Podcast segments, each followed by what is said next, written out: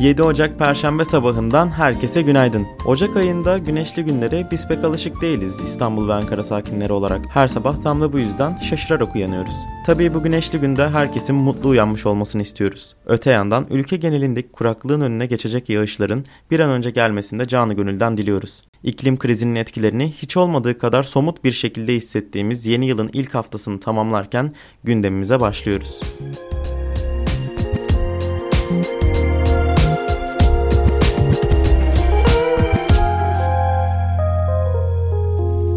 Fransa'da kuş gribi alarmı. Fransa'nın 48 güneybatı olmak üzere toplam 61 noktada yayılan kuş gribi virüsünün yayılmasının önüne geçilmesi için yaklaşık 600 bin kümes hayvanının itilaf edileceği Fransa Tarım Bakanlığı tarafından duyuruldu.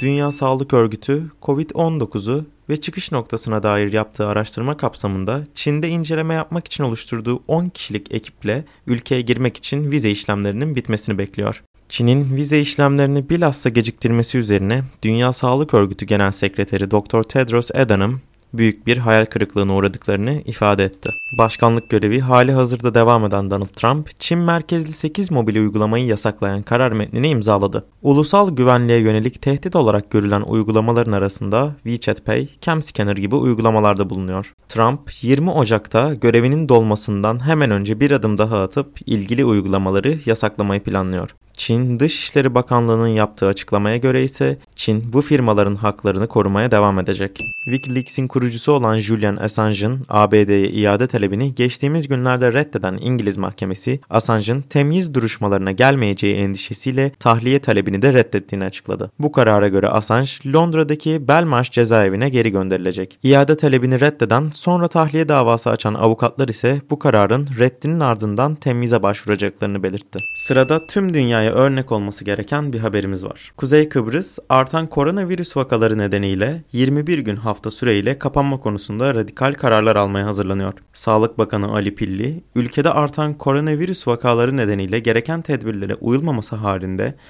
10 ila 31 Ocak tarihleri arasında kapanmaya gideceklerini söyledi. Sudan, İsrail ile ilişkilerin normalleşmesini hedefleyen ve İbrahim Antlaşması adı verilen mutabakatı Amerika Birleşik Devletleri ile imzaladığını duyurdu. ABD de Sudan'ın Dünya Bankası'na olan borçlarını ödemesi için yıllık 1 milyar doların üzerinde kredi imkanı sağladı. Hatırlarsanız Trump yönetiminin son dönemlerinde Sudan'ı teröre destek veren ülkeler listesinden çıkarmıştı. Sudan'dan önce Birleşik Arap Emirlikleri, Bahreyn ve Fas da İsrail ile diplomatik anlaşmaları imzalayan ülkelerdendi. Bugünlük maalesef haberlerimiz için bu kadar diyelim. Biz bugün plastik tüketimimizi olabildiğince kısmaya çalışacağımızın sözünü verelim ve yarın yağmurlu bir günde size haberlerimizi iletmeyi umalım.